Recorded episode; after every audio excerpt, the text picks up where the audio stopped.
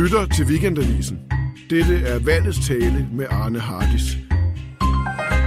En politisk aktør, man ellers troede afdød og velbegravet, genopstod lyslevende efter folketingsvalget grundlovsdag.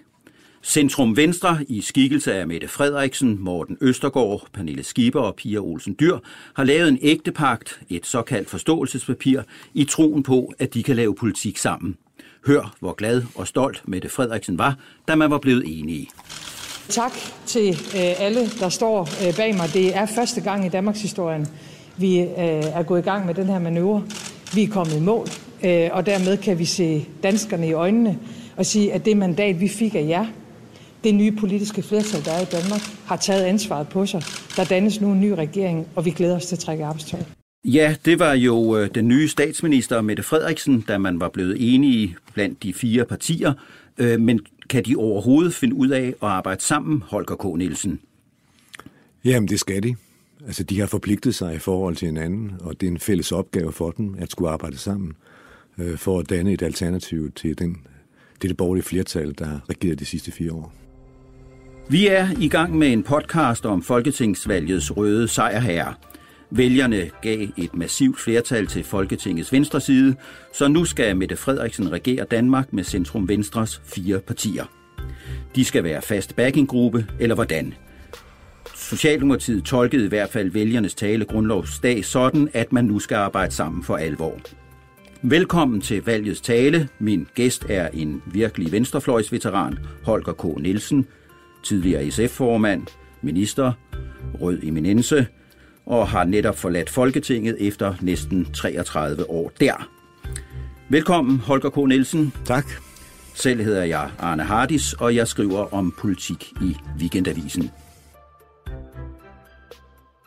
Lad os, øh, Holger K. Nielsen, prøve at få et lidt mere uddybende svar end det, du gav indledningsvis, som nok lød mere håbefuldt end, end, end egentlig færdigtolket. Du siger, de skal jo arbejde sammen, de her fire partier. Men kan de finde ud af det? Og man kan sige, at, øh, at de har jo været igennem en, øh, en, en langvarig forhandlingsproces her. Øh, også længere, end jeg egentlig havde regnet med, da, da man startede på det. Øh, og de er gået, så vidt jeg kan se, at de er gået igennem meget detaljeret de forskellige politiske områder, og der kommer et politisk papir ud af det. Så i den forstand, så er det et, et grundigere arbejde, end man plejer at gøre når der skal dannes en mindretalsregering, og den skal have nogle støttepartier bag sig. Så øh, jeg vil sige, at statsministeren har jo ret i, at, øh, at det er noget, det er ikke set før i Danmarks historie, det her. Tidligere har det været sådan, at enten havde man et regeringsprogram, en fælles regering, øh, de havde så et program, øh, indtil 93, der havde man ikke engang et fælles program, når man dannede regering. Og så øh, sidenhen, så øh, er det så blevet, øh, at, er det blevet sådan, at øh, man at støttepartierne også godt vil ind og have indflydelse på, hvordan skal den regering øh, øh, lave, lave politik, og hvilken indflydelse kan vi få øh, på den politik, der skal laves. Også selvom de sådan set ikke har forpligtet sig til at være i regeringen, og heller ikke har forpligtet sig øh, til ret meget efterfølgende. Men betyder det, at vi skal forestille os, at de fire partier kommer til at være grundstammen i al politik, der bliver lavet, indtil der bliver udskrevet folketingsvalg igen? Ja, ikke i al politik, tror jeg, men i meget politik. Øh, og det er jo det, som er det nye i det, det er, at man forpligter en række partier uden for regering øh, til at øh, gå ind og lave politik med, sig, med regeringen, og regeringen forpligter sig til at tage nogle forskellige politiske emner op og forslag op, som man er blevet enige om. Men det betyder jo ikke, at man har lavet en fælles regering. Og der ligger jo så, at partierne udenfor de tre støttepartier, øh, de kan jo gå øh, selv på en række områder, det vil de også gøre, det er fuldstændig overbevist om. Og regeringen kan også blive tvunget til at se andre steder hen, hvis det bliver nødvendigt. Men... Så du vil stadigvæk have have et, øh, et, et politisk øh, slagsmål øh, på forskellige områder. Altså, der skal laves finanslov, og der må stadig have den diskussion og de kampe, der har været øh, tidligere. Så i den forstand er der ikke ændret så meget i forhold til, hvordan politik bliver på Christiansborg. Men man har forpligtet sig mere, end man plejer at gøre, og jeg tror, det har været meget tillidsskabende, øh, at Mette Frederiksen har gjort den her øvelse. Centrum Venstreblokken råder over 91 mandater, så Mette Frederiksen kan få sin politik igennem med sine støttepartier, hvis Socialdemokratiet, Radikale, SF og Enhedslisten ellers kan blive enige. Men statsministeren har også flertal med Dansk Folkeparti uden de radikale eller med Venstre.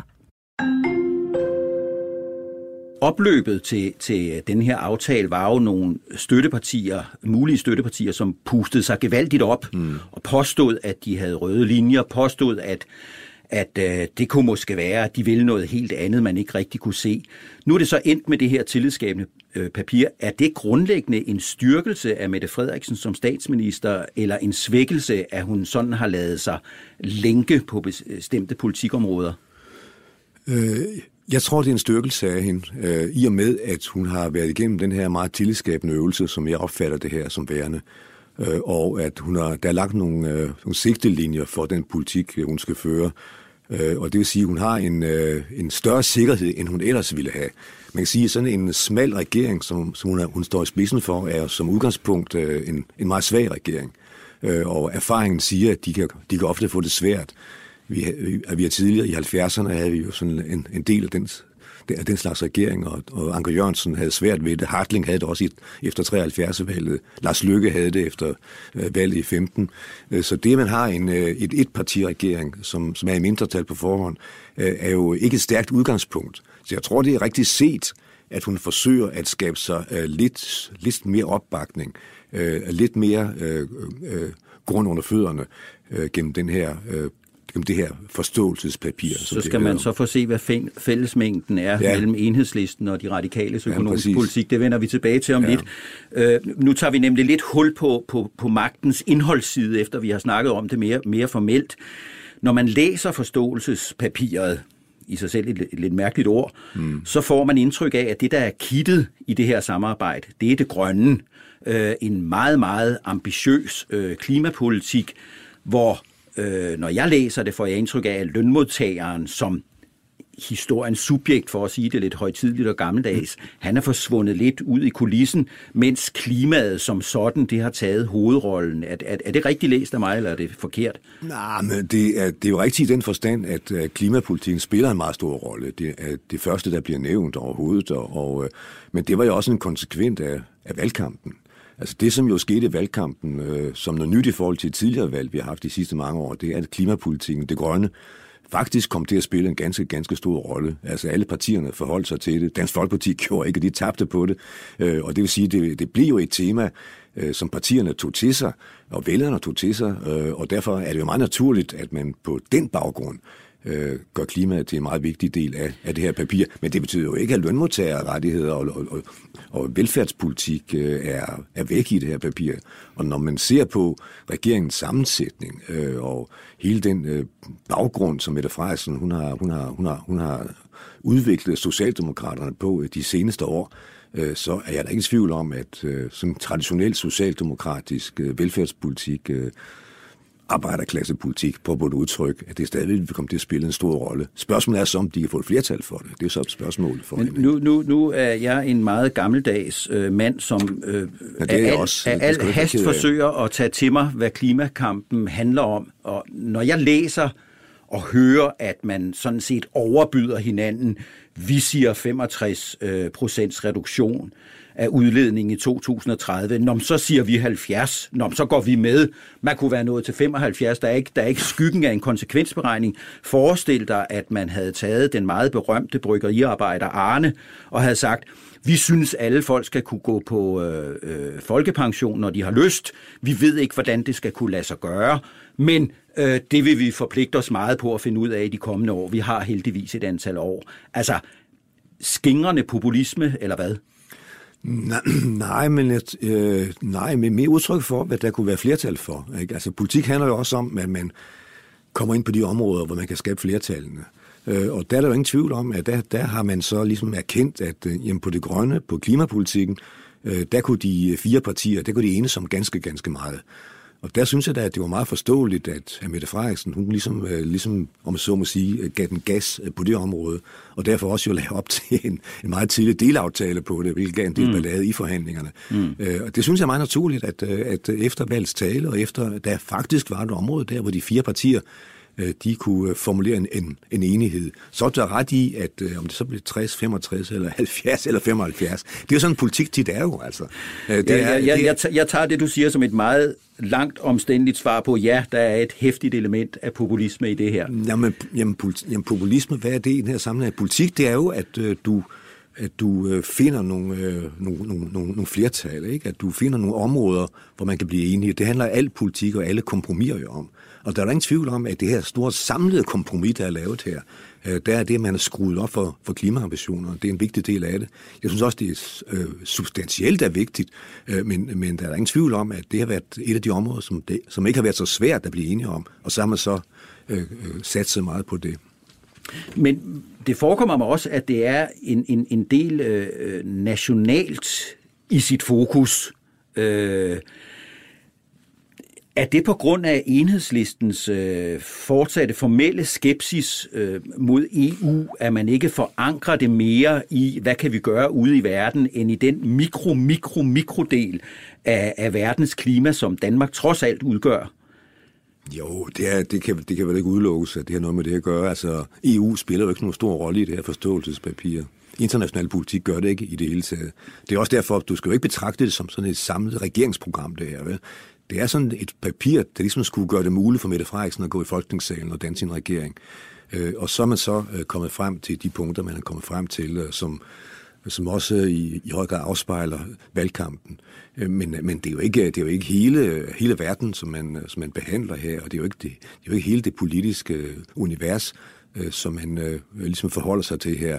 Og du har da ret i, at hvis man ser på klimakamp, så er EU og FN jo også øh, kolossalt vigtig, altså, og, og, og det afspejler sig ikke særlig meget i det her papir. Men det betyder jo ikke, at den, at den nye regering altså, vil være passiv på EU-politikken. Vel? Det er da ikke mit indtryk, og, og det, det, det kommer den heller ikke til at være. Nej, men altså, hvis nu man skal, skal, skal tage den her meget kendte rolle som mandagstræner på sig, ja. øh, og jeg kan sige uden at rødme, øh, hvis det nu havde været mig, der stod i spidsen for de forhandlinger, så tror jeg da, at jeg af substantielle årsager vil have puttet en del af ansvaret for reduktion og fokus på reduktion ud i verden, både fordi det er rigtigt, og fordi så har man også nogen at give skylden, hvis det viser sig, at øh, man ikke kan komme i mål med tingene. Så er det en ond, ond verden, som ikke vil være med. Ja, ja, men det, øh, men du burde måske have stået i spidsen for de her forhandlinger. Men jeg, jeg er da enig i, altså, at, øh, at altså, klimapolitikken, det er internationalt område. Ikke? Men det er jo også en debat, man havde i selve valgkampen. Ikke? Dem, som øh, var imod, at Danmark skulle gøre noget særligt, de, de sagde hele tiden, jamen vi kan jo ikke gøre noget her i Danmark, fordi det er bare en lille del af, af vores CO2 udledning, der betyder noget, og derfor skal vi andre lande med. Det er jo rigtigt på den ene side. På den anden side er det jo også rigtigt, at øh, hvis det så betyder, at vi øh, bliver passive her i Danmark, at vi ikke gør noget, så bliver det også et problem.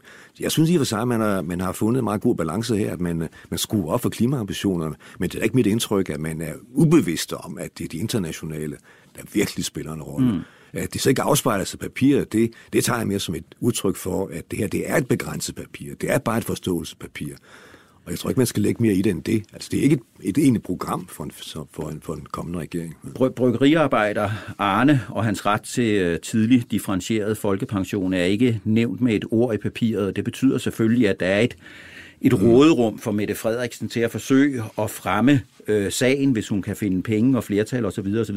Tror du, at der er skabt et folketingsflertal for, øh, for Arnes øh, tidlige folkepension, inden vi skal til valg næste gang? Det er svært at svare på. Det bliver en stor opgave for Mette Frederiksen. Altså. Hvad, hvad for nogle... Hvad for nogle øh... Jeg ved det ikke, vel, jeg ved det ikke. Altså man kan sige, at, øh, at, at den, øh, ja, det tema, øh, det blev jo svækket meget, da de radikale de lavede deres, øh, deres aftale, eller forlig med den gamle regering omkring... Øh, og Dansk Folkeparti og også. Dansk Folkeparti også, ja, ja præcis, Dansk Folkeparti ja. også. Om, øh, hvad hedder det, seniorpensionsordning, ja. ikke? Øh, og, og, øh, og, øh, og, og, og det var meget sådan parallelt til, da de radikale de lavede et forlig om, om efterlønnen og om dagpengene før valget i 2011. Ja. Og der er ingen tvivl, om, der er ingen tvivl om, at de radikale, de, øh, de så virkelig en mulighed for at lave en da capo, en gentagelse af den gang. Og de så i det hele taget meget sig selv som siden i det sorte tårn i 2011. Ikke? Kunne de lave det samme nummer en gang til, var det fint for dem. Men det betød jo så også på den anden side, at, øh, at mulighederne, at spilmulighederne for, for, for Mette Frederiksen, de blev noget begrænset på det.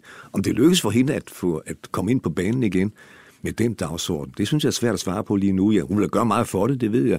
Øh, og kreativiteten kan også være stor, øh, hvis øh, den politiske vilje er til det. Så det handler jo meget om, om hun kan få den politiske vilje frem igen og få de radikale til at, at tænke lidt alternativt øh, på de her områder. Måske også Dansk Folkeparti, hvad ved jeg, men, øh, men svært er det der foran. Det er en af de svære dagsordner foran, det er det virkelig. Og en af de afgørende. Øh, ja, for det er jo det, som hun selv er meget stor vægt på, og, og jo også kan man sige, hvis man ser på substansen, noget af det, man er nødt til at inddrage, at når man taler om, at, at tilbagetrækningsalderen skal forhøjes, ikke, så er der nogle mennesker, der bare ikke kan gå, gå tidligere på, på, på pension, hvad gør man i forhold til dem?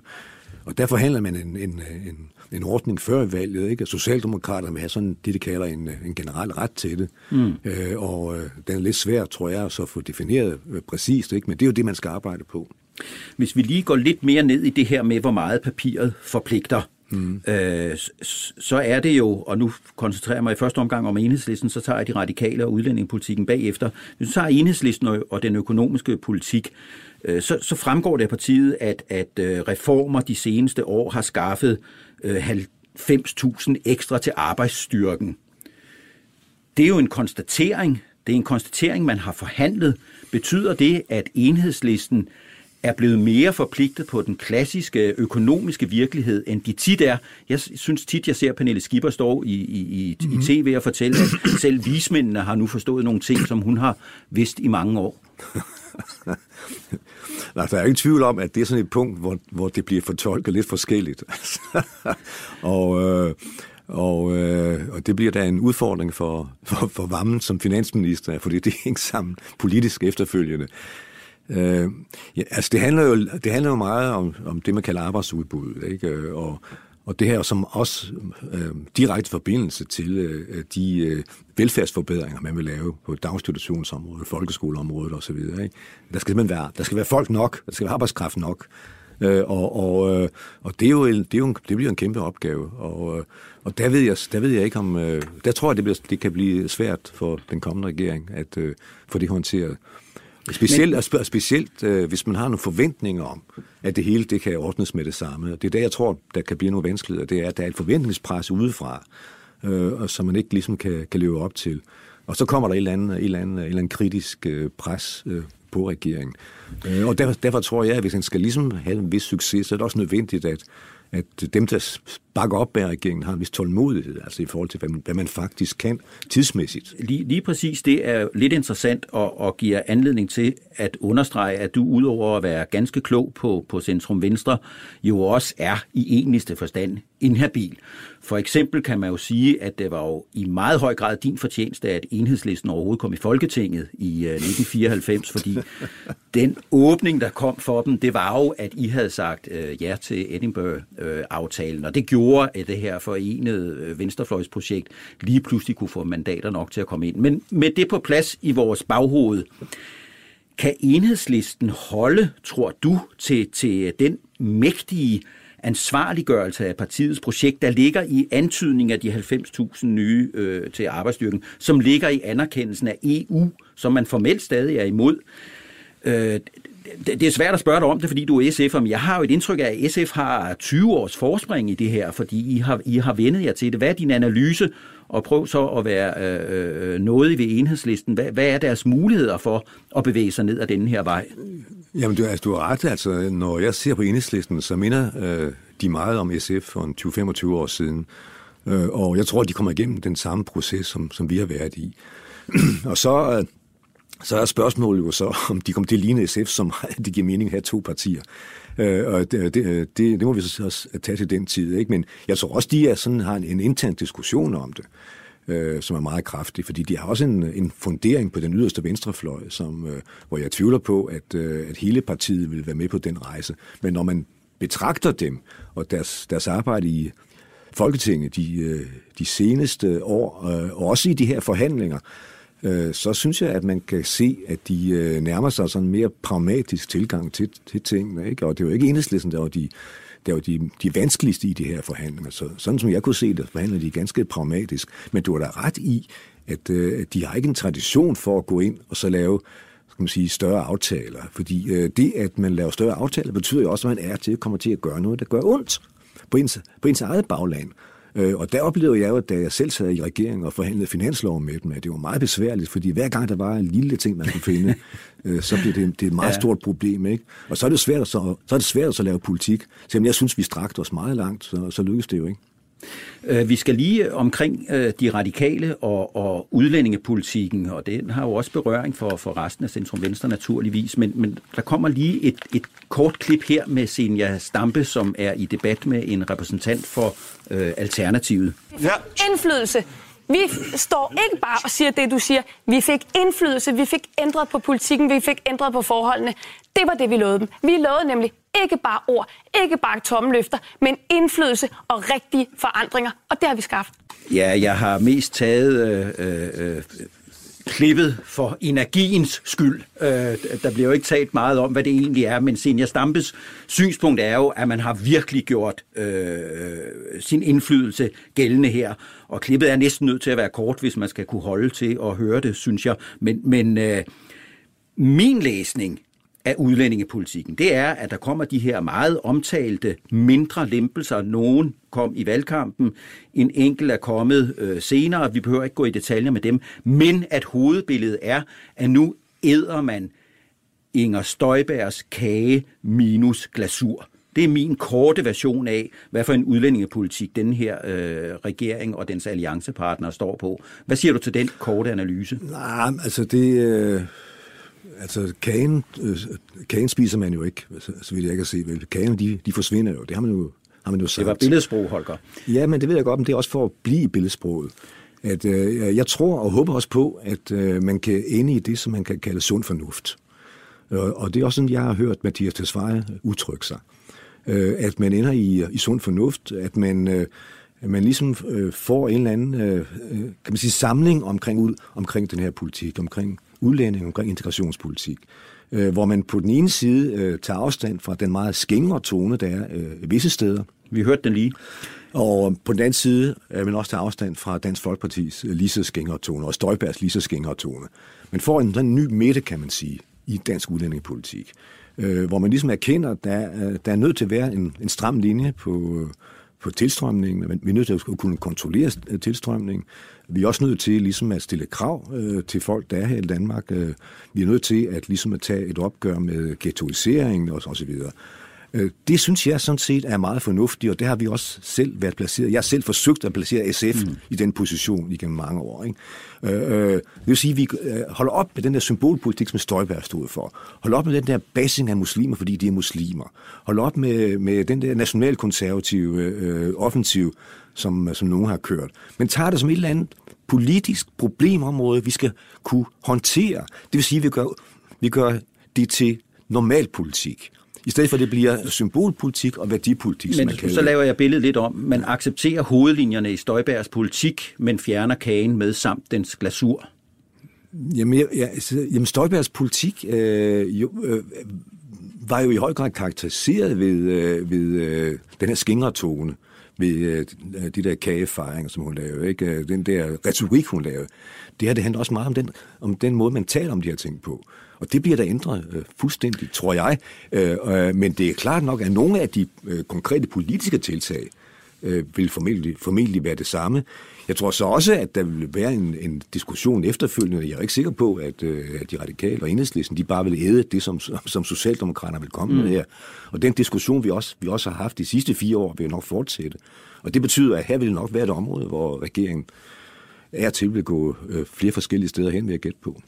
Vi skal lige omkring et øh, lidt højpandet emne her til sidst, øh, nemlig selve begrebet øh, centrum venstre, som vi har hmm. øh, debatteret eller snakket ud fra.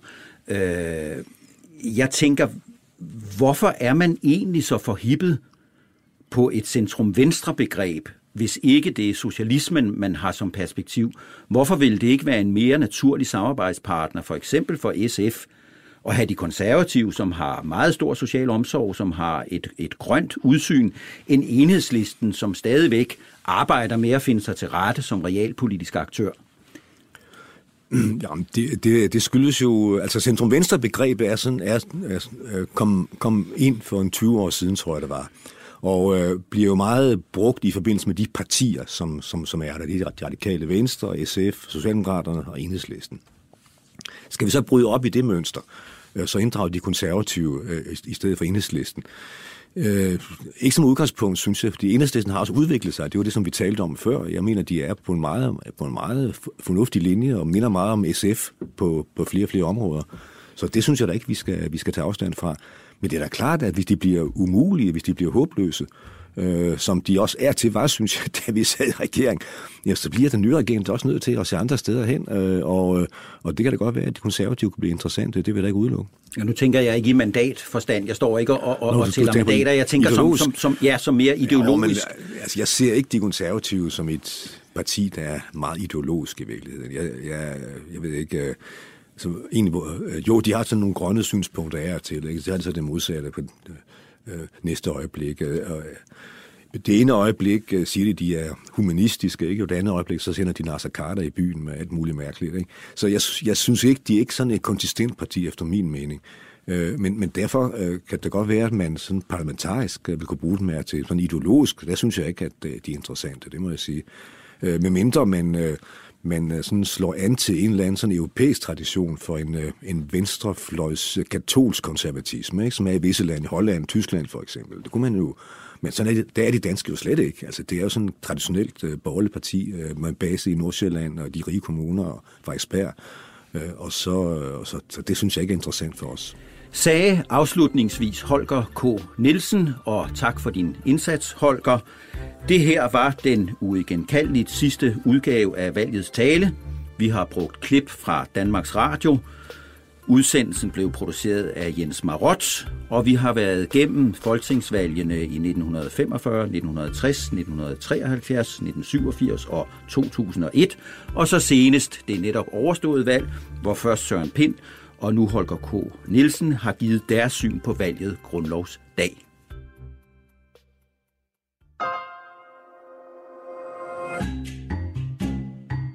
Du lytter til Weekendavisen. Hør alle udsendelser på weekendavisen.dk-podcast.